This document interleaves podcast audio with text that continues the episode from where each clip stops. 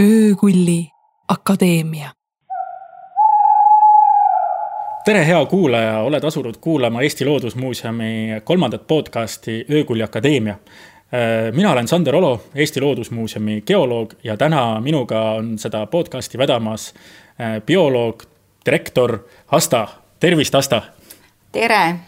see on väga põnev teema ja mulle meeldib, et me saame sellest rääkida nüüd meie looduskaitse kuul. ja tänane teema on siis äh, äh, nii-öelda sihuke klassikaline maikuu algus äh,, muruniidu hooaja avapauk ja täna on meil teisel pool äh, virtuaalkanalit äh, on meiega Tartu Ülikooli äh, ökoloogia ja Maateaduste Instituudi botaanika vanemteadur Aveliina Helm, tere Aveliina! tervist, tervist, tänan kutsumast võib-olla alustakski siit kohe sellega, et, et, et see muru niitmine. Ma, ma ütlen, et minule see asi meeldib natukene selles mõttes, et äh, ma sõitsin täna rattaga siia tööle äh, ja, ja ma sõitsin mööda platsist, mida niideti ja see lõhn, ossa, see on nagu, minu arust see on see nagu esimene kevade lõhn, sa tunned seda ainult maikuus ja siis, siis sa enam teised korrad ei tunne seda, et miks me tegelikult ikkagi nii tihti muru niitma ei peaks? no e, tegelikult jah, tuleb selgeks teha see, et ega, ega ei e, kutsu siin keegi ei ole ka kutsunud üles muru niitmisest täielikult loobuma, vaid e, igal asjal on oma koht ja oma roll täiesti olemas ja muru niitmisel ju loomulikult samamoodi. meile kõigile meeldivad ja ongi vajalikud meile sellised kohad, kus me saame ennast mugavalt tunda ja, või kasvõi seda lõhna tunda. aga tähele tuleb lihtsalt panna, kas ega me selle tegevusega juhuslikult äh, liiga kaugele ei lähe, äkki, äkki me haarame, mida võimsamaks muutuvad meie muruniidukid, me ju näeme seda kõike igaüks, eks ole, et, et aina, haarame aina suuremaid pindalasid ja võib-olla oleks tark mingi hetk äh, peatuda ja küsida, et stopp, et kas ma seda muru siin ikkagi vajan või äkki ma tahaksin seda hoida seda piirkonda hoopis äh, ka teistele liikidele, mida, millel tõesti muru sees äh, käsi võib-olla nii hästi ei käi. aga, aga just, et see selline mitmekesisus ja, ja äh, jah, skaalad vast on need võib-olla kõige, kõige olulisemad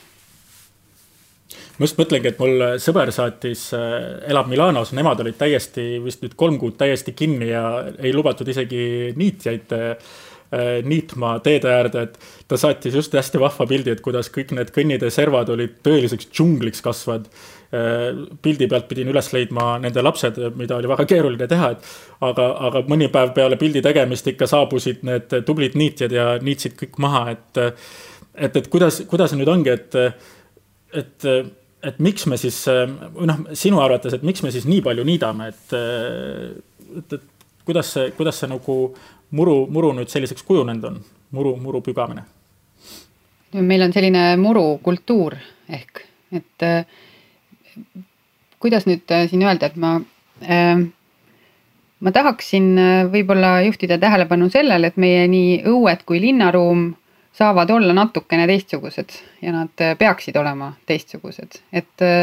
et meil tegelikult ei ole vaja igat nurgakest äh, iga nädal või iga paari nädala tagant äh, õitest puhtaks äh, nii-öelda lõigata, vaid, vaid on väga palju kohti, näiteks samad teeservad, kus, kus lilleke võib õitseda ja meile märkamatult on sellest väga palju kasu nendele, kellel täna käsi halvasti käib et te kahtlemata olete kuulnud sellest, et, et tolmeldajate seisund ülemaailmselt ja ka Euroopas ei ole kõige parem. siin on kaks põhjust.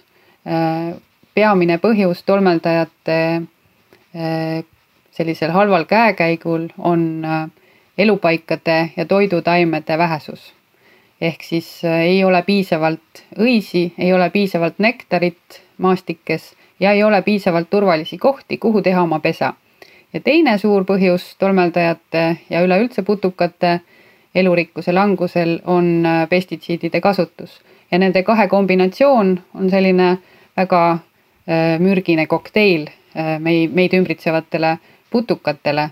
ja kuigi meile putukad ei pruugi näiteks linnaelanikuna meeldida, mõtleme, et ongi hea, kui ei ole, siis, siis tegelikult nii lihtne see asi ei ole, et me vajame kõiki oma kaasteelisi enda ümber.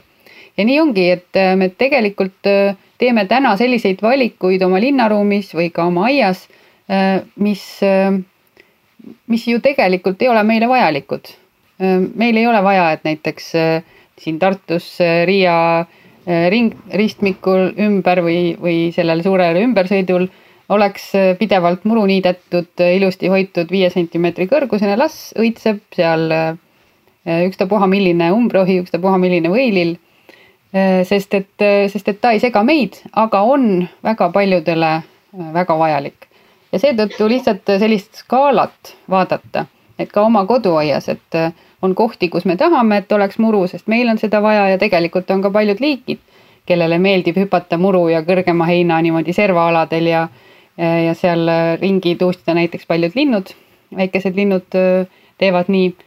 Aga, aga siis hetkeks peatume ja küsime, et aga kas kuskil me mõtleme ka tolmeldajatele, kas kuskil me mõtleme putukatele, kas me kuskil mõtleme nendele lindudele, kes tahavad seemneid süüa? Mul, mul siin tekkis korra täiesti huvitav mõte, et, et sa, sa tõid mängu need tolmeldajad, et, et kas, kas see, et nagu kolm kuud oli siin muru niitmata mingi hetk, et et kolm kuud oli muru niitmata seal Milanos, meie, meie nagu põhimõtteliselt eriolukorra lõpp nii-öelda jääb nüüd siia, kus me tegelikult muruniidu hooaeg algab, aga aga et kas, kas see kolm kuud tegelikult juba aitaks kaasa või nagu, et, et, et, et kas seda nagu saaks võrrelda natukese nagu raierahuga, vaata, et. et me teeme niidurahu kevadel, siis kui on nagu kõige sellisem tärkavam aeg, kui hästi paljud asjad õitsevad, et kas see nii-öelda aitaks nendele tolmeldajatele kaasa, et nad saavad need äh, väikesed lillekesed ära tolmeldada, et äh, umbes esimese kolme kuu jooksul ja siis hakkame niitma näiteks mingi hetk, et äh, lihtsalt sihuke hüpoteetiline küsimus, et kas, kas see, see olukord praegu oleks, oli kasuks äh, mikroelule seal äh,, väiksele elule seal Milanos?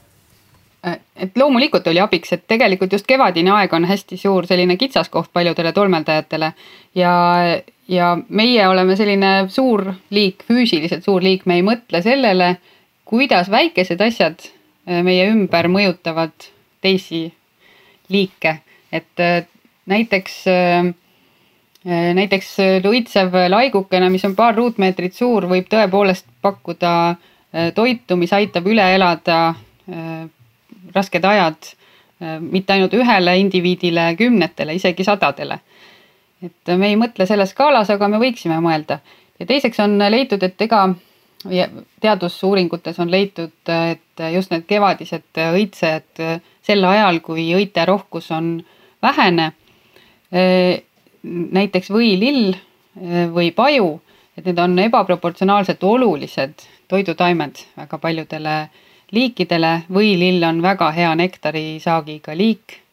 eh, on väga vajalik eh, tolmeldamis, tolmeldamise, tolmeldajatele ja, ja seetõttu me peaksime seda võilille võib-olla vaatama natukene teise pilguga, et las ta õitseb, sest ta on väga kasulik mul, mul tekkiski kohe sihuke väike nagu paralleel sellega, et, et need väiksed murulapikesed, paar ruutmeetrit, kus, kus see nagu kõrgemad kõrred on, midagi õitseb. et see oleks nagu äh, mutukate Lasnamägi ja võililled oleks nagu mutukate toidupood. et, et, et, et, et, et sihuke väike mikro, mikro nii-öelda selline äh, linn, mikro, mikrokeskkond, et tõesti jah, me võib-olla vaatame oma mätta otsast hästi suurelt, et me ei näegi neid väikseid elukaid, jah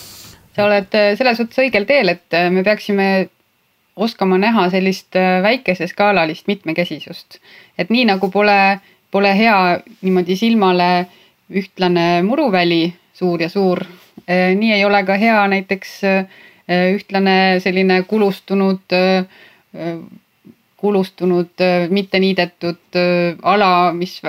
laiub silmapiiril, sest see on liiga ühetaoline et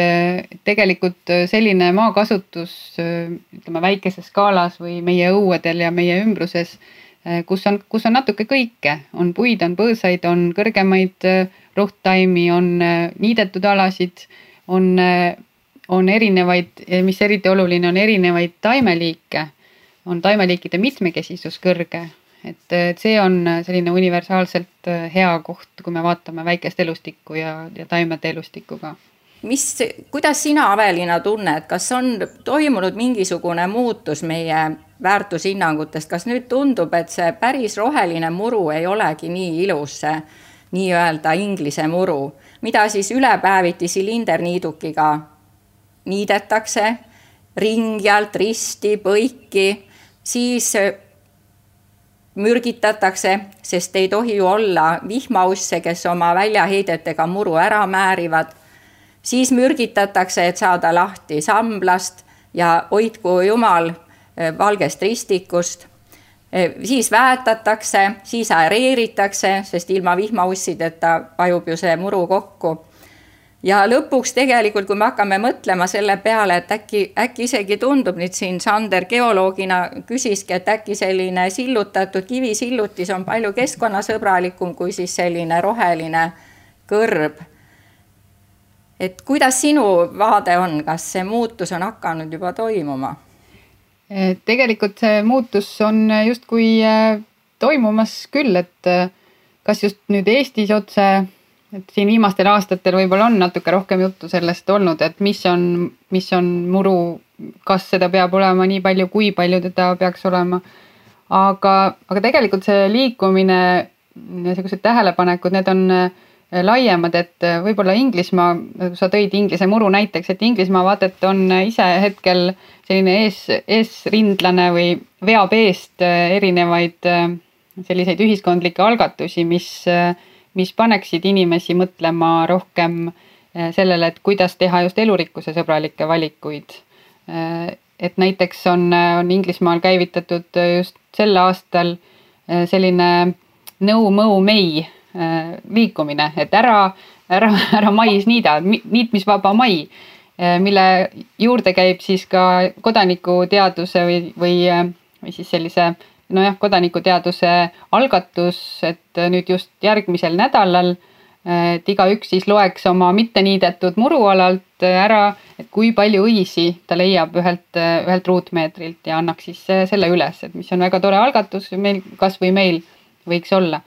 Aga mingisugust nihet ma siin loomulikult näen, sest et mitte kellestki ei lähe ju mööda äh, tõenäoliselt äh, enam need teated, et elurikkuse seisund äh, ei ole kiita ei ole, ei tohiks me ka Eestis puhata mingitel loorberitel, me peame igal pool olema tähelepanelikud ja mõtlema sellele, kas meie teod on ikkagi jätkusuutlikud. Ja kui nüüd ilumeelest rääkida ja sellest, et mida me peame ilusaks, et mina olen enda puhul pannud tähele sellist, ma, no ma ei oska nimet-, öelda, kas see nüüd on evolutsioon või lihtsalt väike muutus, aga loomulikult meile kõigile ju meeldivad kaunid aiad kus on, kus on näha suurt hoolitsust, äh, äh, südame ja tööga tehtud, äh, suure tööga tehtud, antud panust aiahooldusesse. Need on universaalselt ilusad silmale vaadata loomulikult, kus on muruplatsid, kus on hooldatud peenrad, kus on palju kauneid kultuurliike kasvamas. et ja kindlasti neil on oma koht. aga, aga kui nüüd ilu, ilumeelest rääkida, siis äh, siis äh, mina enda puhul just olengi tähele pannud seda, et, äh, et mulle hakkasid äh, ilusana tunduma hoopiski segased, sellised segamini kohad ja sellised, sellised lohakad kohad sel hetkel, kui ma mõistsin, et see, kus elurikkus peidus on, see, mis soosib loodust meie ümber, et see ei olegi tegelikult see väga hooldatud muruväljak, vaid vastupidi siis ma hakkasin nagu vaatama, et see muruväljak on hoopiski, hoopiski nagu elurikkuse surnuaed natukene, et selle asemel võiks ju olla lopsakas äh, loodus. et seetõttu sel hetkel ka minu enda ilumeel natukene nihkus, ma ütleksin, ja, ja siis, siis hakkad asju nägema nagu teistmoodi et aga, aga ma ei väsi rõhutamas seda, et igal asjal on oma koht loomulikult, et me, et, et ma kindlasti ei ole, ei taha kutsuda inimesi üles muru niitmisest täielikult loobuma, sest et seda on kindlasti vaja. ja, ja, ja ka sellist mitmekesisust on vaja, et on väikseid muruplatse on ja, ja heinamaid. Aga ma tõesti julgustaksin inimesi katseta, katsetama rohkem selliseid alternatiivseid meetodeid, ehk siis näiteks niitma äh, kaks korda aastas Äh, selliseid kohti, mida nad vähem kasutavad, et näiteks niita või niita üks kord aastas, nii nagu meie esivanemad tegid omal ajal heina. et tänased pärandkooslused, need, need ökosüsteemid, mis on olnud aastatuhandeid heinateoalad või karjatatavad alad, need on meie kõige liigirikkamad ökosüsteemid. nagu puisniidud siis, eks ju? nagu puisniidud, aruniidud, mida praktiliselt täna enam ei ole, mis on peaaegu hävinud meie maastikest, need on maailma kõige liigirikkamad ökosüsteemid. see, seetõttu mm, et see, need on tegevused, ütleme see korra aastas niitmine või karjatamine on tegevus, mis, mis on väga kasulik väga paljudele liikidele, neile see sobib, see tegevus ja me peaksimegi mõtlema, et äkki me saame seda tegevust siis, äkki me saame ise seda oma aiaski teha ja soosida sellega siis erinevaid niiduliike. et, et seega näiteks soovitaksin igalühel siis äh, oma aias vaadata ringi, et kus ta niidab äh, iga nädal, iga paari nädala tagant, et need on need kohad, kus siis, äh, kus, kus on kõige aktiivsem liikumine ja loomulikult, kus lapsed jooksevad, et nad kohe, kohe siis puuki ei saaks endale külge. aga need piirkonnad, mida ilmtingimata igapäevases kasutuses ei ole vaja, et neid või nendel võiks kaaluda siis sellist heinategu Äh, kas siis üks korda, üks kord aastas, näiteks alates jaanipäevast kuni äh, juuli lõpuni, et heinakuu on äh, juuli. Või siis ka kaks korda aastas, et kui on tarvidus liigirikkust suurendada, et kui muidu on palju kõrrelisi või on, või on näiteks naadid, mis ei meeldi või on, või on tarnad või kõrrelised, mis võib-olla silmale pole nii kenad, et siis tasub alguses katsetada ka kaks korda aastas niitmist, et niita, niita Äh, üsna varakult, enne kui kõrrelised on oma seemned valmis saanud, õigemini siis, kui kõrrelised õitsevad, näiteks juuni alguses. Äh, ja, ja siis juba uuesti juuli lõpus ja teha niimoodi paar aastat, et see hakkab soosima natukene sihukese taimestiku elurikkuse taastumist alguses. aga, aga jah, selliseid praktikaid proovida ma pan-, panen siia lõppu väikese soovituse, mida ma olen siin äh, Tallinna linnas aru saanud, et äh, kui sa hakkad, äh, kui, kui kuulaja soovib hakata tõesti praktiseerima sihukest, et kusagil natukene proovib niita näiteks kaks korda aastas või korra aastas, siis räägi sellest ka oma naabrile. et tihtipeale just ongi see, et naaber vaatab, et, et, et mis seal nüüd toimub, et naabri Vello puhta hulluks läinud, et loobus muru niitmisest, mingi tema aiaäärne serv on nüüd äh, võsas ja siis ta tõenäoliselt äh, helistab muposse ja mupo tuleb ja käsib selle ära niita, aga kui sa juba varakult ütled, et kuule, et ma hakkan siin katsetama sellist äh, niiduvormi, siis, siis sellist konflikti kohta tõenäoliselt ei teki, et praegu ongi niimoodi olnud siin Tallinna linnas, et et see munitsipaalpolitsei ei taha kedagi trahvida siin muru niitmise või niitmata jätmise pärast otseselt. aga lihtsalt ongi, et no kuna mingid naabrid hakkavad kaebama vaikselt, siis äh, teadmata, et mis, mis eksperiment seal toimub, siis, siis, siis ongi, et tuleb minna ja reageerida, et et, et tihtipeale ongi see, et noh, muidugi me ei saagi tuua, mõned näited on sellised, kus inimesed päriselt ei hoolda ja see, see on nagu koht, kus, kus on jah teema, aga, aga ma, ma tahaks just jah rõhutada kommunikatsiooni, räägi oma naabriga ka ma veel võib-olla täiendan, et näiteks üks, üks asi, mis aitab kindlasti selle vastu, et naaber kohe pahaseks saab või, või jääb mulje sellisest hooldamata alast, on, on näiteks selliste laigukeste loomine. et kus sa muruniidukiga lähened piirkonnale hoopis loomingulisemalt kui lausaline niitmine, vaid jätad, jätad sisse selliseid laigukesi, kus, kus on võib-olla kasvavad äh, eriti kui sa suudad välja valida sellised kohad, kus kasvavadki juba mõned niiduliigid, kas siis härjasilmad või, või äkki on õnn, et õue peal kasvab isegi mõni kellukas või, või,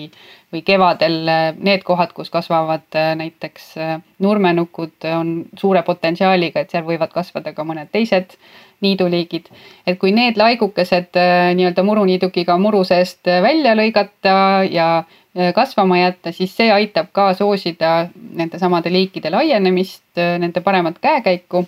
sest konkurendid ümbert on, äh, on niimoodi, neid, neil hoitakse pea madalal ning aitab hoida õiterohkust maastikus või oma õuealal kasvõi, aga ei jäta samal ajal muljet sellest, et nagu siit on kõik ära kolinud ja, ja, ja visanud muruniiduki nurka ning kolma- ning lõpetuseks ma üldse tahaksin soovitada vikati kasutust äh, rohkem. et äh, okay. iga, iga kord, kui ma ütlen, et, äh, et linnaruumis võiks tagasi tuua vikati ja reha sellise hooldusvahendina, siis,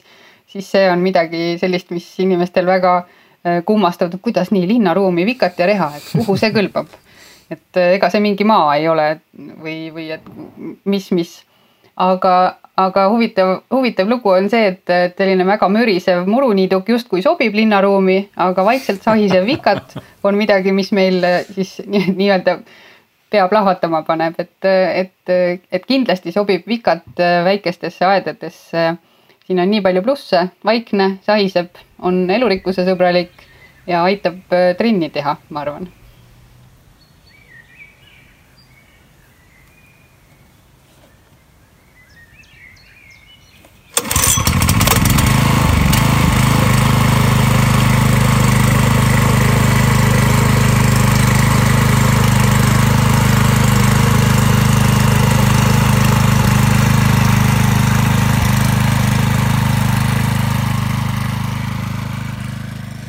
ma just mõtlengi, et siin peab olema lihtsalt see, et siis peab eh, Youtube'is korralikud õpetusvideod ka olema, sest et ma mäletan, mul väiksena oli väga terav kokkupuude vikatiga, et ma tahtsin olla nagu vanad mehed, kes luiskasid vikatit niimoodi hästi kiiresti ja siis ma oleks ääre pealt ühest oma sõrmest ilma jäänud, aga.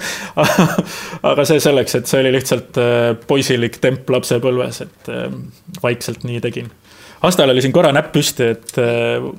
ma tahtsin öelda seda, et tegelikult tuleks tagasi selle ilu juurde, et, et meil on selline ütlemine, et ilu on vaataja silmis ja tegelikult, et saada aru, miks meile ikkagi need rohelised muruplatsid on meeldinud, tuleb vaadata tagasi, et minna ajalukku. ja Yuval Harari ajaloolane on kirjutanud oma raamatus Homo Deus sellest, et milline see muruplatside ajalugu on, et kui keskajal hakkasid Inglise ja Prantsuse aadlikud oma losside ümber suuri eh, muruväljasid eh, rajama, siis tegelikult see oli väga noh, selline oluline rikkuse ja staatuse sümbol. sest et ei saanud tavaline talupoeg lubada endale seda, et, et tal läheb maa kasutusest välja täiesti kasutuna, eks ju, püsib lihtsalt muru all ja ka seda tööjõudu, et, et sul pidi olema piisavalt maad ja orje, kes tegelikult seda muru hoiavad. aga see on väga huvitav, et kuidas mõned sellised sotsiaalkultuurilised eh, sellised fenomenid püsivad, et, et kui kadusid ära need kroonitud pead, tulid, eks ju, uue aja eh, võimukandjad, et siis tegelikult kuni tänase päevani keskklassini ja nüüd, nüüd ütleme, et ka avalikkuseni on on see muruplatsi ihalus tegelikult kestnud. ja mina olen mõelnud ikkagi sellele, et, et kui et kui me ajalukku vaatame ja nagu mõtestame enda jaoks noh, läbi sellise teadmise ja teaduse, et me saamegi aru, nagu sina ütlesid, et nüüd mulle ei tundu enam see muru nii ilus. et nüüd ma näen tegelikult selles mitmekesisuses rohkem ilu. et see on samamoodi nagu kiviaja Veenuse kujud ei tundu meile enam tänapäeva iluideaalina, on ju nii? Sellepärast et me teame, et, et liigne kehakaal on tervisele kahjulik. et samamoodi siis võiks olla ka see, et kui me teeme selgeks, et see liigirikas ja mitmekesine muru või siis ka aed, sest et me ei pea ju murusse kinni jääma, võib-olla on see Tootsi peenar, mis seal aias hoopis kasvab ja kus tegelikult saadakse toitu. või tõepoolest on see hoopis mitmekesine, ma ei tea midagi, mis meenutab metsa või parki, eks ju, et, et on ju teada, et rohttaimed seovad palju vähem süsinikku kui puittaimed. et üheaastane taim on kindlasti, eks ju, ei ole nii ütleme, et keskkonna suhtes nii noh, väärtuslik, kui on tegelikult püsikud ja, ja puittaimed, eks ju, et mida kauem taim kasvab, süsinikku kinni hoiab, siis seda, seda olulisem ta meie jaoks on ma, äh, mina isegi läheksin äh, selles, ma olen mõelnud pikalt selle peale, et mis inimesed äh, ilusaks peavad ja miks meil selline ihalus selliste noh, esiteks nii muruplatside järgi kui ka väga sellise kivise linnaruumi järgi on, et hästi struktureeritud ja korrapärase äh, arhitektuuri ja ruumi, avaliku ruumi järgi et äh, kas selle, kas selle taust ei või olla hoopis evolutsiooniline, et kus, äh, kus tõepoolest mitte ainult sotsiaalkultuuriline, nagu sa välja tõid, vaid äh, kui me mõtleme päris inimese evolutsiooni peale, siis, siis korra püüdlus korra järgi on olnud ka püüdlus turvatunde järgi. ehk siis näiteks laagriplatsid tekitasid tõenäoliselt eelajaloolises inimeses rahu ja turvatunde, sest et see oli hea, hea ja, ja turvaline koht võrreldes sellise lopsaka metsiku loodusega meie ümber, kus, kus võib-olla oht oli iga, iga puu või iga nurga taga.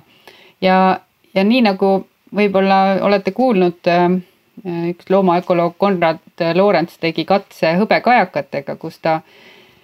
kus ta pani hõbekajaka alla, kui sel ajal, kui ta haudus, pani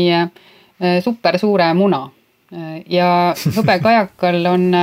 tendents või üldse lindudel, et suur muna on kvaliteedimärk, et suurem muna näitab, et tal on kõik hästi ja sealt tuleb hea tugev poeg. Neile sobivad suured munad. ja aga, aga mitte nii suured munad, nagu talle siis alla pandi. et põhimõtteliselt ei ole kajakas võimeline ise nii suurt muna kunagi munema. aga sellest hoolimata püüdis ta teda seda supersuurt muna hoolega välja haududa, eh, arvates, et see tegu on väga hea munaga. seda kutsutakse supernormaalseks ärritajaks ja tegu on nähtusega siis, kus meil tõepoolest looduses ei ole ülempiiri eh, või õigemini looduses on ülempiir väga hästi juba seatud. hõbekajakas ei saa kunagi muneda nii suurt muna, aga tal ja seetõttu ei ole vajadus panna sellist piiri, et kui suurt muna sa siis välja hauduma hakkad et võib-olla on sama meie, meie korraarmastusega, et, et meil ei ole olnud võimalik evolutsiooniliselt kunagi luua nii suurt korda, et see hakkaks meid ennast äh, füüsiliselt ja vaimselt segama. Äh, seetõttu meil puudub ülempiir selliste, äh, et, et oi, nüüd on küll asjad läinud üle, üle käte, me oleme teinud oma ümbruskonna liiga korrapäraseks, liiga kiviseks. sest et me ei ole kunagi seda olnud võimelised tegema ja meil puudub selline ülempiir selle jaoks ja nii me siis äh, ihalemegi seda korda, nii nagu me ihaleme süsivesikuid, meil puudub selle jaoks ülempiir. ihaleme seda korda ja kuni selleni välja, et me kahjustame sellega ennast, et näiteks linnaruum, mis on väga kivine, mis on väga korrapärane, äh, kus on väga mm, suur, väga palju selliseid geomeetrilisi objekte, servad, aknad, asfaltid. Äh, see on näidatud, et ta ei ole ka meie ajule hea, meie aju pidevalt protsessib see on ebaloomulik äh, situatsioon, ta pidevalt protsessib, mis toimub, miks on, äh, miks on selline struktuur. Ja aju rahuneb, kui ta vaatab, kui ta vaatab näiteks puulehti õõtsumas, sellist looduslikku tausta, siis on aju sellises neutraalses olekus, on, on näidanud mõned teadustööd ja stressitase on näiteks sellega siis tugevalt seotud, seetõttu me tunneme ennast kivises linnas palju halvemini kui näiteks linnapargis et, et siin on sellist evolutsioonilist tausta, mis, mis on paljuski veel muidugi avastamata, nii et ma siin kõvasti spekuleerin loomulikult kas, kas siis tegelikult võikski öelda, et see on väga huvitav jah, et, et aju puhkab siis, kui nii-öelda lehte näeb, et kas see tegelikult võiks nagu äh, tõmmata sinna, et, et inimene tegelikult võikski vaadata, kuidas muru kasvab ja siis tegelikult aju äh,, aju saab puhata. et seal ei ole nii palju äh, nii-öelda ühesuguseid äh, sirgeid äh, täisnurki, et, et seal ongi nagu rohkem seda mitmekesisust ja inimene saab puhata, et. absoluutselt puhkab, et seda, seda on nagu... küll palju näidatud, äh, mitmeid teadustöid tehtud. et kuidas elurikkus ja kuidas rohealad mõjuvad inimesele linnas, see on, see on teada, et nad mõjuvad universaalselt hästi. tõepoolest, inimene puhkab, kui ta vaatab rohelust, kui ta viibib roheluses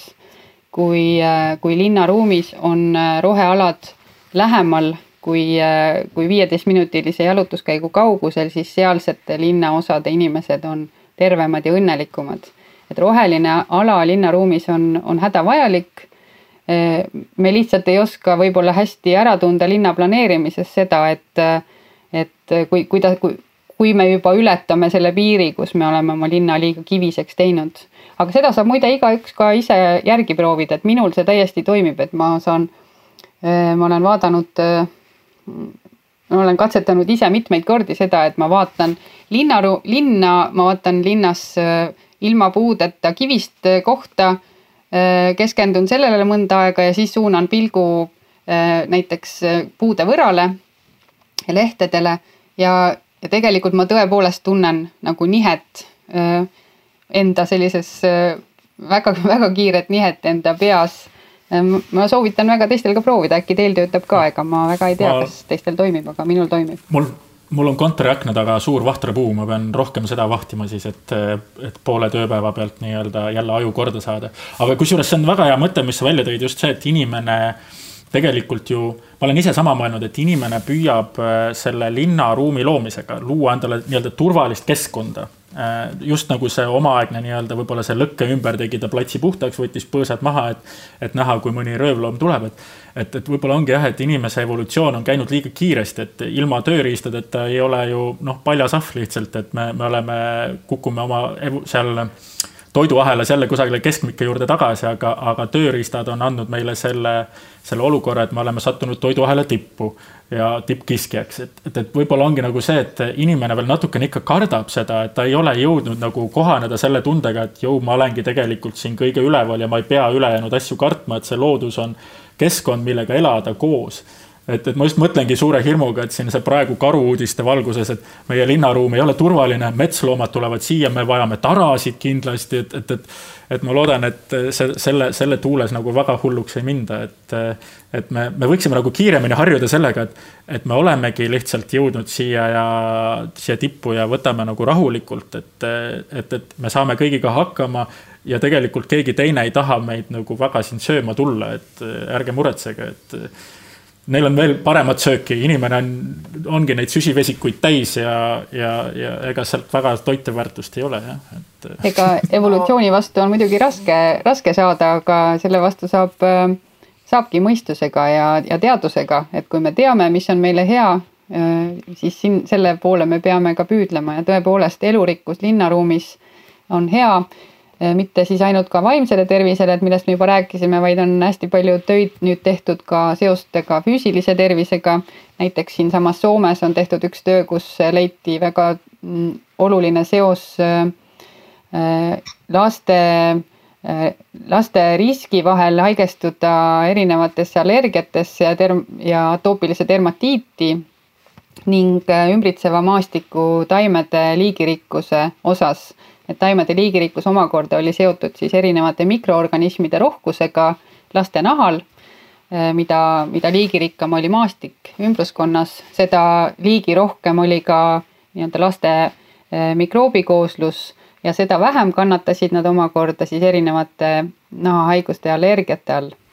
Et mulle väga meeldis see, et sa ütlesid, et teadus ja teadmine annab meile tegelikult selle võimaluse et, et valida endale teistsugust tulevikku. me saame seda teha ainult äh, läbi äh, teadliku valiku, et me ei, jah, ei tohiks äh, nii-öelda sellistel evolutsioonilistel instinktidel ennast täna kanda lasta, eks nii nagu me toitume, tahame toituda tervislikult, nii me peaksime ka oma ümbruskonnaga ringi käima tervislikult. ja siin tulebki siis või on põhjust meelde tuletada, et meie looduskaitsekuu motoks on hoia, mida armastad, aga me peame mõtlema sellele, et, et mõnikord võib äh, sellest hoidmisest tekkida karuteene, kui me tegelikult ei, ei tea, ei tunne, et, et paneks sinna juurde siis veel, et õpi tundma seda, mida armastad, siis sa suudad seda ka hoida. et see teaduslik teadmine on ääretult oluline, et et tõesti teha neid õigeid valikuid. no lisaks on, äh, ma ütleks, et täna on oluline. täna me oleme minu arvates sellises seisus, kus me peame hoidma kõike, mis meil veel säilinud on. meil ei ole tegelikult luksust kaotada mitte ühtegi säilinud looduslikku elupaika. Äh, meil ei ole luksust äh, lasta isegi hävida teeservadel, mis on, mis on seal pikka aega näiteks olnud. Meil ei ole luksust lasta hävida niidulaikudel, mis on veel linnadesse või meie maastikesse siia-sinna jäänud. meil ei ole ka luksust kuivendada enam ühtegi sood ega raiuda mitte ühtegi põlismetsa, sellist metsa, mis on, mis on loodusliku dünaamikaga sest et ajad on sellised ja me peame hakkama vaatama päris oluliselt ümber, kuidas me loodusega ringi käime ja mida me võime jätkusuutlikult kasutada ja mida me saame jätkusuutlikult kasutada ja mida me tegelikult ei saa jätkusuutlikult kasutada. et elurikkusega on äh, küll tendentsid sellised äh, noh, tegelikult väga murettekitavad. Ja, ja selline tavapärane või noh, ütleme senised praktikad ei pruugi meid äh, enam kaua edasi kanda. see elurikkusega, et, et, et kuidas see see, selle, see ongi see ilus sõna, mis käib kogu aeg igalt poolt läbi, aga, aga kuidas see siis meid nii-öelda lõpuks äh, äh, aitab või nagu, et, et kuidas see meid mõjutab, et, et. vaata. kuidas sellega on? Äh, no elurikkus, definitsioon või ütleme, mõiste, esiteks on väga ilus eestikeelne sõna, mis, mis on eesti keelde äh, ekstra toodud äh, kui ma ei eksi. miks arv oli see minu Kelle? meelest, kes tõi välja, miks arv tõi, pani ette. just, et elurik-, jah, et, et elurikkus on eesti keeles üks kaunis termin, on tõesti toodud eesti keelde vist miksarve poolt ja, ja kirjeldab üsna täpselt seda, mis, mis ta on. ta on rikkus, mis on meile vajalik, mille poole me peaksime püüdlema, mida me peame hoidma,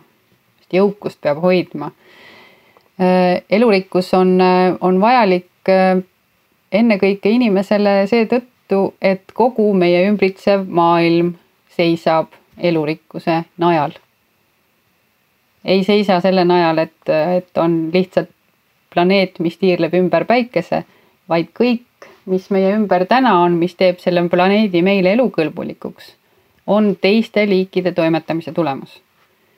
ja me täpselt ei tea seda, kui hästi see süsteem toimib siis, kui me sellest näiteks üheksakümmend protsenti äh, eemaldame. kas see masinavärk, mis hoiab äh, atmosfääri, biosfääri,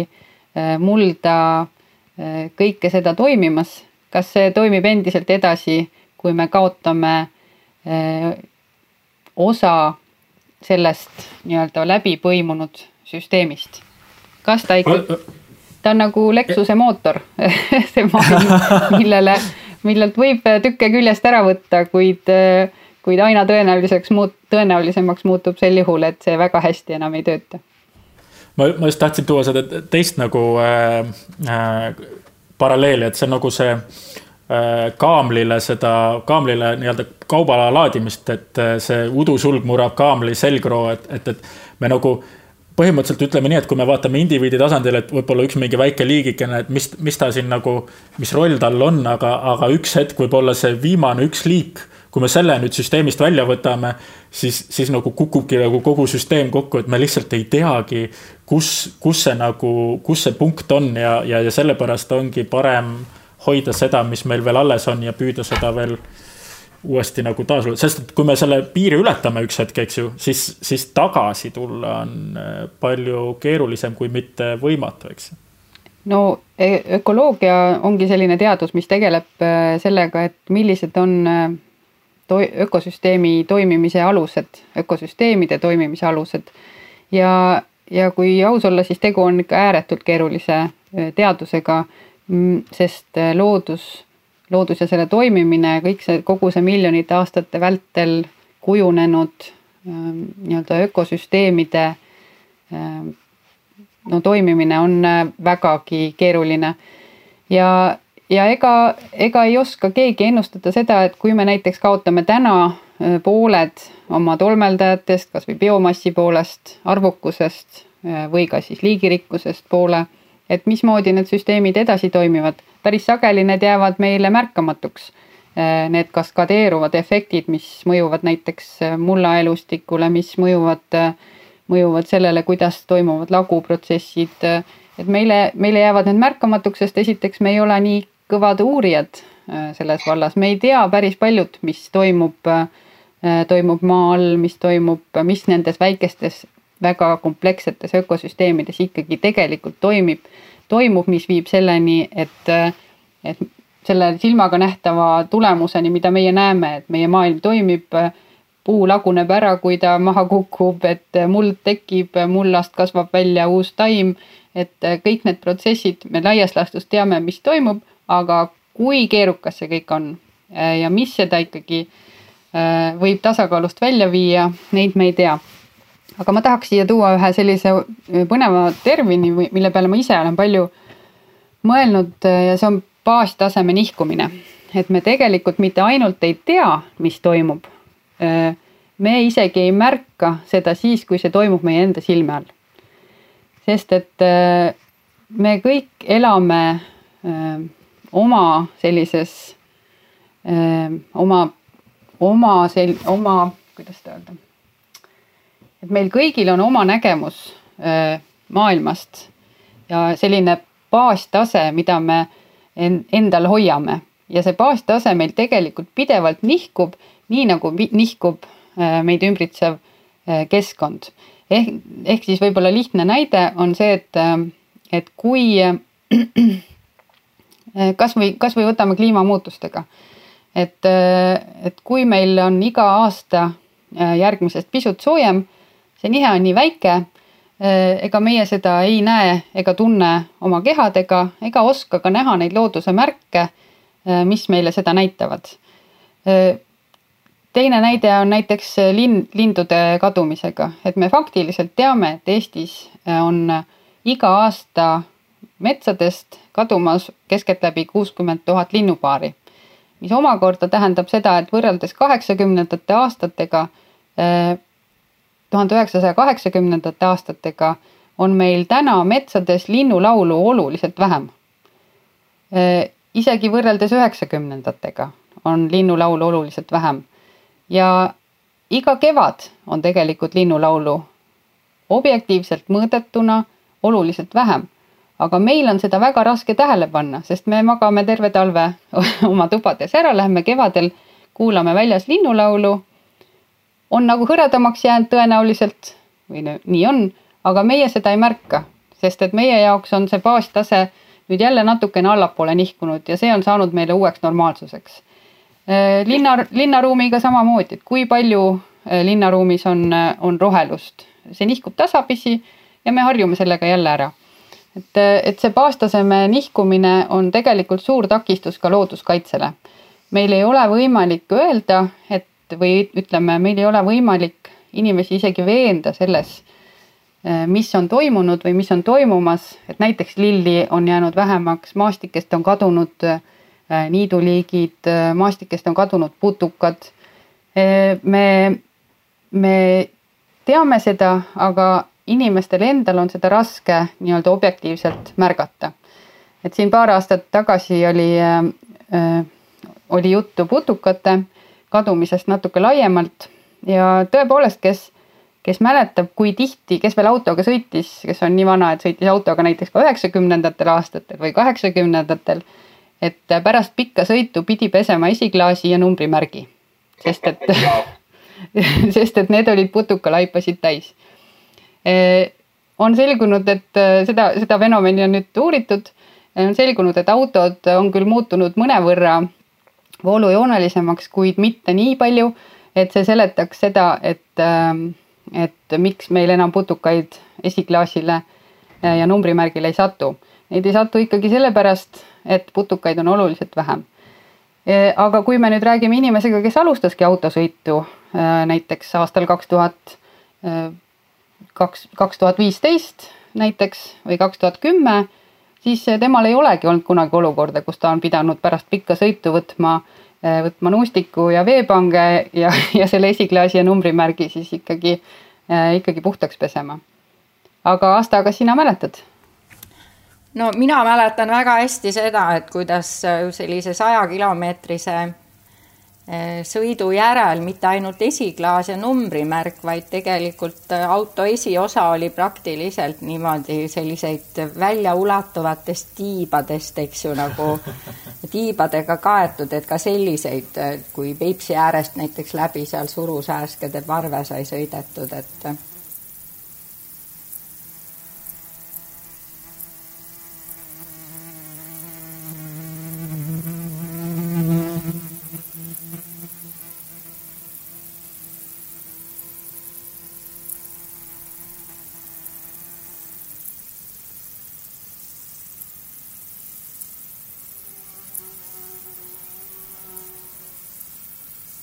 aga tõepoolest seda ei märka ja ilmselt see hääletu kevad tundub, et on meist veel hästi kaugel. ja et kuigi sellest räägiti, eks ju, juba tuhat üheksasada kuuekümnendatel, et mulle tundub, et me oleme väga palju teinud selleks, et seda elurikkust äh, kaitsta.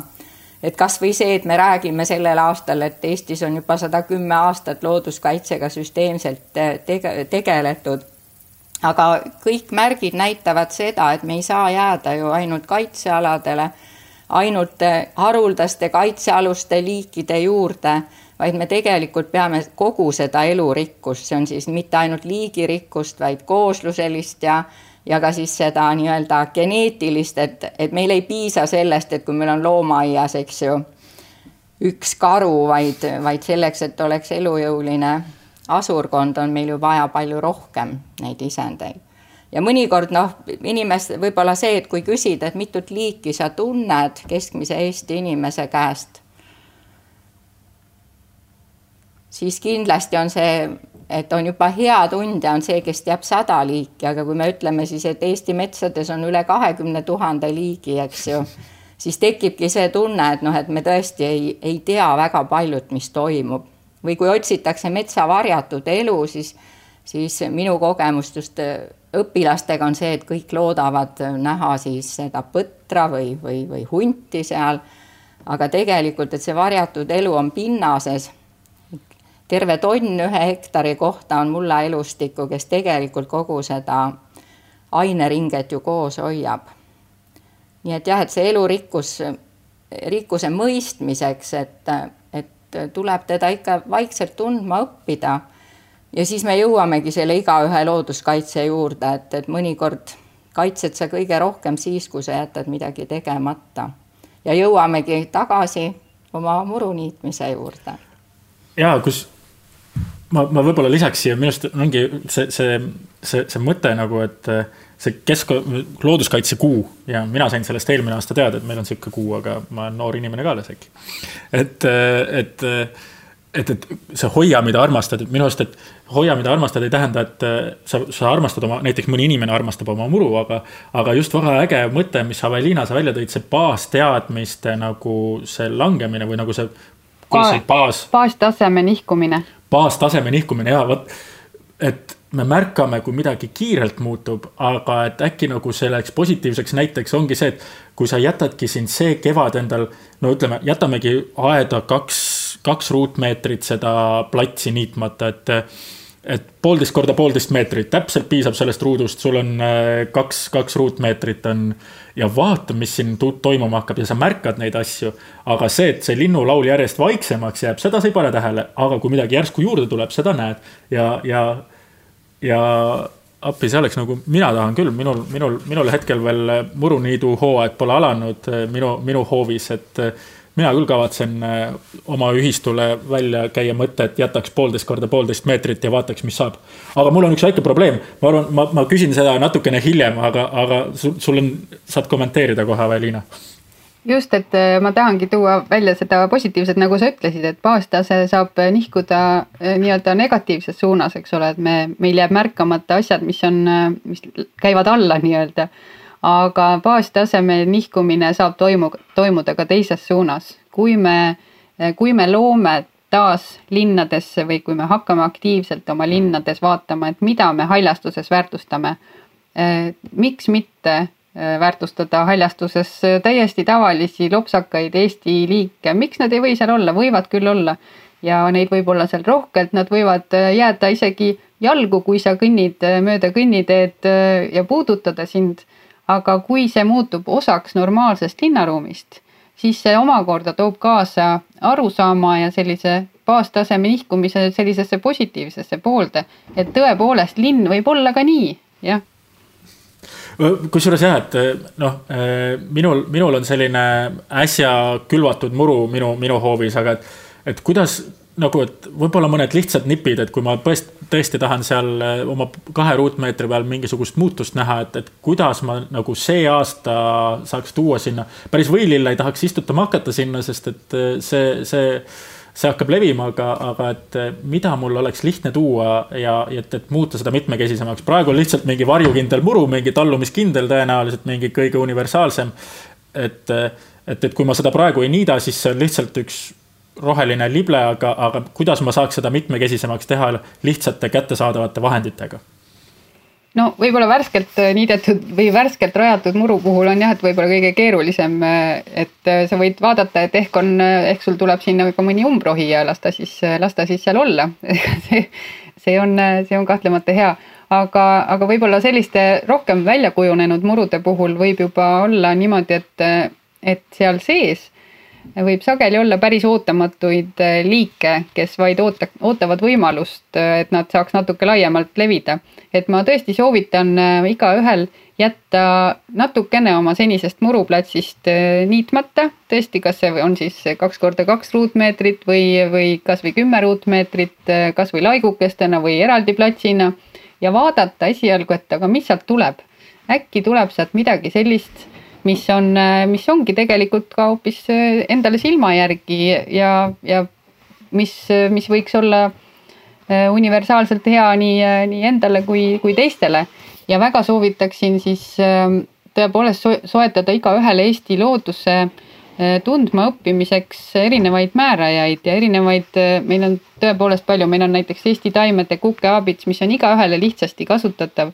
võta, lase seal muru sees siis kasvama mõned laigud ja vaata, kes sul sealt tuleb. sest Eesti loodus on, on rikas ja, aga ta saab olla palju rikkam ja igal pool. et ja võib-olla ma veel täiendan või kommenteeringi seda, mis Asta ka tõi välja, et, et looduskaitse on hädavajalik. ma tegelikult tõsimeeli arvan seda, et kui ei oleks riiklikke looduskaitsesüsteeme kui ei oleks aktiviste olnud äh, sajandi, sajand tagasi, äh, viiskümmend aastat tagasi, kes panid aluse meie tänastele looduskaitsealadele nii Eestis kui üle, üle Euroopa, üle maailma, siis meil ei oleks enam mitte midagi. see on väga selge, kui me vaatame maailmas ringi, äh, täna saab igaüks vaadata Google Earthi pealt, milline näeb välja maailm. vaadake ja te tunnete ära, kus on looduskaitsealad sest looduskaitseala piiri pealt läheb äh, sageli piir looduse ja täieliku tehiskeskkonna vahel, ülemaailmselt. Äh, ehk siis, kui ei oleks äh, olnud seaduslikke regulatsioone, kas või meil, et läbi valu ja vaeva rajada näiteks Lahemaa rahvuspark, siis meil täna seda rahvusparki oma ilus ei oleks. see on, see on fakt, et et see on äh, selline mm, asi, mille me kipume ka täna võib-olla selles diskussioonis ära unustama, et, et me tahame võidelda äh, kangesti erinevate piirangute vastu. et äh, me ei taha rohkem looduskaitsepiiranguid, me ei taha, et, et seadaks, seataks erinevaid regulatsioone, et kuidas majandada maastikes või kuidas toimetada siin või seal. aga teisest küljest me oleme ju tänulikud, et meil on Lahemaa rahvuspark et meil on Soomaa rahvuspark, et meil on Matsalu rahvuspark, me oleme uhked ja me oleme õnnelikud nende üle, on ju nii? seetõttu me ja me peamegi niimoodi mõtlema, et äh, mida me tahame päriselt säilitada mille üle me oleme uhked ja mis on meile vajalik. aga nüüd nagu äh, natuke kurvemalt poolelt räägituna on see, et kahjuks sellest kõigest ei piisa. et looduskaitsealadest üksi äh, Nad on hädavajalikud, nad on olnud ainsad turvaalad, mis meie loodusel on, aga ikkagi on vähe. sest loodus lihtsalt ei toimi ka niimoodi, et meie siin Tartumaal saame nautida seda, et meil tolmeldajad jäävad ellu, kui Matsalu rahvuspark on olemas. meie peame hoidma tolmeldajaid ka Tartumaal, ka Harjumaal peame hoidma mitte ainult tolmeldajad, peame hoidma kõiki, kogu seda süsteemi, kellest sõltuvad erinevad liigid, alates mullaelustikust, taimedest kuni putukate ja suuremate loomadeni välja igas maastikus. ma, mul, mul tekkiski siin tegelikult äh, sellega, noh, looduskaitse võib-olla see sõna on nagu saanud nagu noh, võib-olla tõukab mingeid inimesi eemale, aga, aga mina olen kogu aeg mõelnud seda, et, et, et tegelikult see on nagu kooselu Äh, et, et noh, et kui, kui võeti vastu kooseluseadus, siis minu arust on nagu tundub loogiline, et me elame loodusega koos, et see hõlmab ka elamist koos loodusega, aga ma teeks siit üleskutse tänasel, tänasest sellest, äh, tänasest podcast'ist teeks üles, üleskutse nagu sotsiaalmeedias tõesti inimesed, äh, kes täna seda kuulavad, et teeme, teeme nagu hashtag'i minu ruutmeeter ja, ja see ongi nagu see väike looduskaitseala igalühel oma hoovis või. ja, ja, ja kes on kõvem, paneb mitu ruutmeetrit, aga et alustaks nagu sellest, et vaatame, kuidas seal elu käib ja elu, elu, elu, elu liigub, et teeme igaüks oma hoovi, oma väikese looduskaitseala, kus me tegelikult nagu mitte ei kaitse, vaid elame lihtsalt loodusega koos. ma ei tea, mina hakkan küll niimoodi tegema, nii et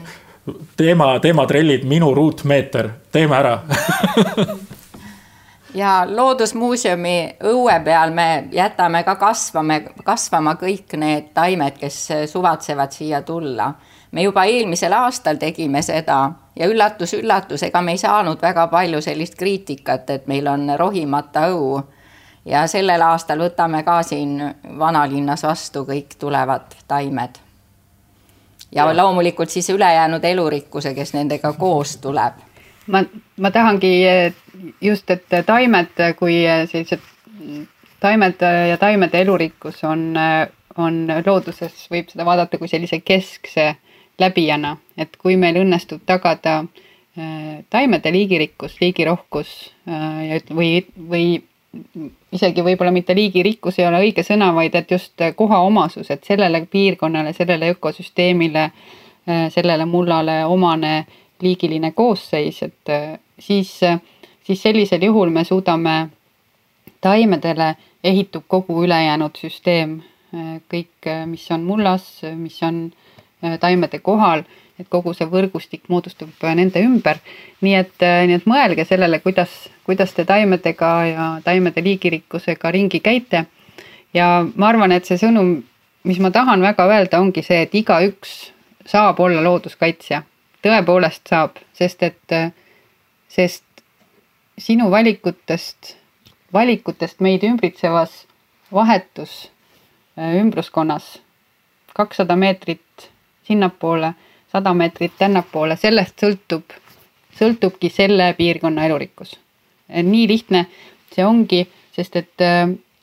liigid väga sageli äh, või ütleme, suur osa liike, nagu ma varem juba ütlesin, on väga-väga pisikesed, nende vajadused on siinsamas, siin ja praegu. ja, ja nende heaks saab tegutseda igaüks, isegi see, kellel on tõepoolest kortermaja muruplatsiga ka tema saab astuda samme, olla looduskaitsja kus ja ma, ma tahakski, see tegelikult me tõmbame nagu siin nii ilusti ringi jälle kokku, et, et, et taimede mitmekesisust me saame võrrelda nagu oma linna mitmekesisusega, et kui meil on erinevat arhitektuuri, siis inimesed tahavad rohkem elada. Lasnamägi või Annelinn, mis on ehitatud väga ühetaolisena, ei, ei ole nagu see elukeskkond, kus tahetakse elada, et, et, et minu, ma ei tea, see väike kirju, taimerikas, erinevate liikide rikas murulapikene. see on mikroskoopiline linn ja, ja, ja laseme seal äh, loomakestel elada, taimekestel elada. ja, ja, ja võtame nagu rohkem seda jah, et, äh, et, et kui me selle nii-öelda maha niidame, asendame ühe kindla asjaga, siis see on nagu, et me teeme uue Lasnamäe või Annelinna mina, mina tooksin välja, et mitte ainult et me ei pea piirduma ainult äh, muru liigirikkamaks muutmisega, et see ei ole meie ainus võimalus linnaruumis. Äh, miks mitte ei võiks me mõelda ka oma parkidest kui looduskaitsealadest natuke rohkem, et park ei pea olema ilmtingimata puutüvi, äh, pink ja samamoodi hooldatud muru, vaid park võib olla lopsakas loodusala, kus on kus on nii puid kui põõsaid, kus on niidulaigukesi, kus on ka niidetud alasid, aga kus võib olla näiteks ka lamapuitu, mis mõnes varjulisemas kohas, kus võib olla eh, sellistele põlistele metsaaladele iseloomulikele liikidele vajalikke, eh, vajalikke struktuure, näiteks mõni püsti surnud eh, puu, paarimeetrine jändrik, säilinud osa, mis ei ole kellelegi ohuks, aga samal ajal pakub äh, väga põnevat elupaika väga paljudele mikroorganismidele. või sellistele väikestele elukatele, seentele ja, ja ja teistele ja putukatele. et, et miks mitte ei või me linnaruumis mõelda natukene nii-öelda avaramalt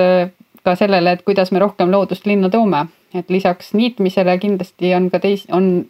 palju teisi võimalusi absoluutselt ja kusjuures olles äh, ise siin äh, geoloogina natukene muruniitmise,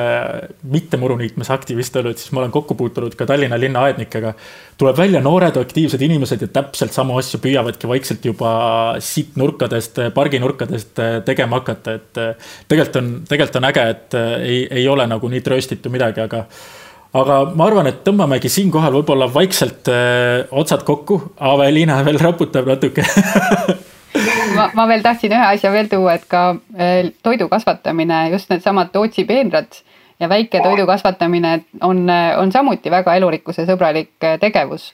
Eh, mitmel moel, eks ole, on, on natuke aitab kaasa toidu turvalisusele, aitab kaasa sellisele lühikestele tarneahelatele, aga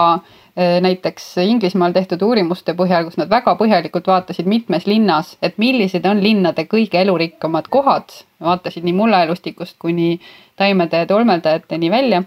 siis äh, selgus, et just äh, kõige elurikkamad ongi sellised natukene käest lastud, loominguliselt võetud köögivilja ja maitsetaimeaiad, kus, kus siis oli, mis siis soosisid väga paljusid erinevaid liike ja, ja et julgustaks siinkohal tõesti mõtlema ka sellele, et, et millised murualad ähm, ja eriti millised kõvakattega alad võiksid olla hoopis äh, näiteks väikese toidu kasvatamise piirkonnad. Ehk see minu ruutmeeter võiks olla ka hoopis see, et sa kasvatad seal oma kaalikat, redist ja ma ei tea, mis seal kõik kasvada veel võiks. ma arvan, et igaüks saab sellele oma ruutmeetrile läheneda väga, väga loominguliselt, seal on palju võimalusi olla looduskaitse. ma arvan, et teeme selle üleskutse minu ruutmeeter, minu arust see on nii äge, ma ei tea, eh, vähemalt minule tundub. kuule, aga suur-suur-suur tänu, Aveliina, minu arust oli see aeg lendas, me tegime siin praegu vist tund aega rääkinud nagu niuhti täis. et, eh, et eh, kõike ja et väga vahva oli sinuga rääkida ja ja, ja ma arvan, et ma, ma, mina tahaks sinuga kindlasti veel mingi hetk rääkida, et ma ei tea, loodan, et meie podcast'i kuulajad tahavad ka sinuga mingi hetk rääkida, et ah, väga lahe oli, väga inspireeriv, mina olen valmis, mina lähen, mina lähen nüüd kohe ja hakkan,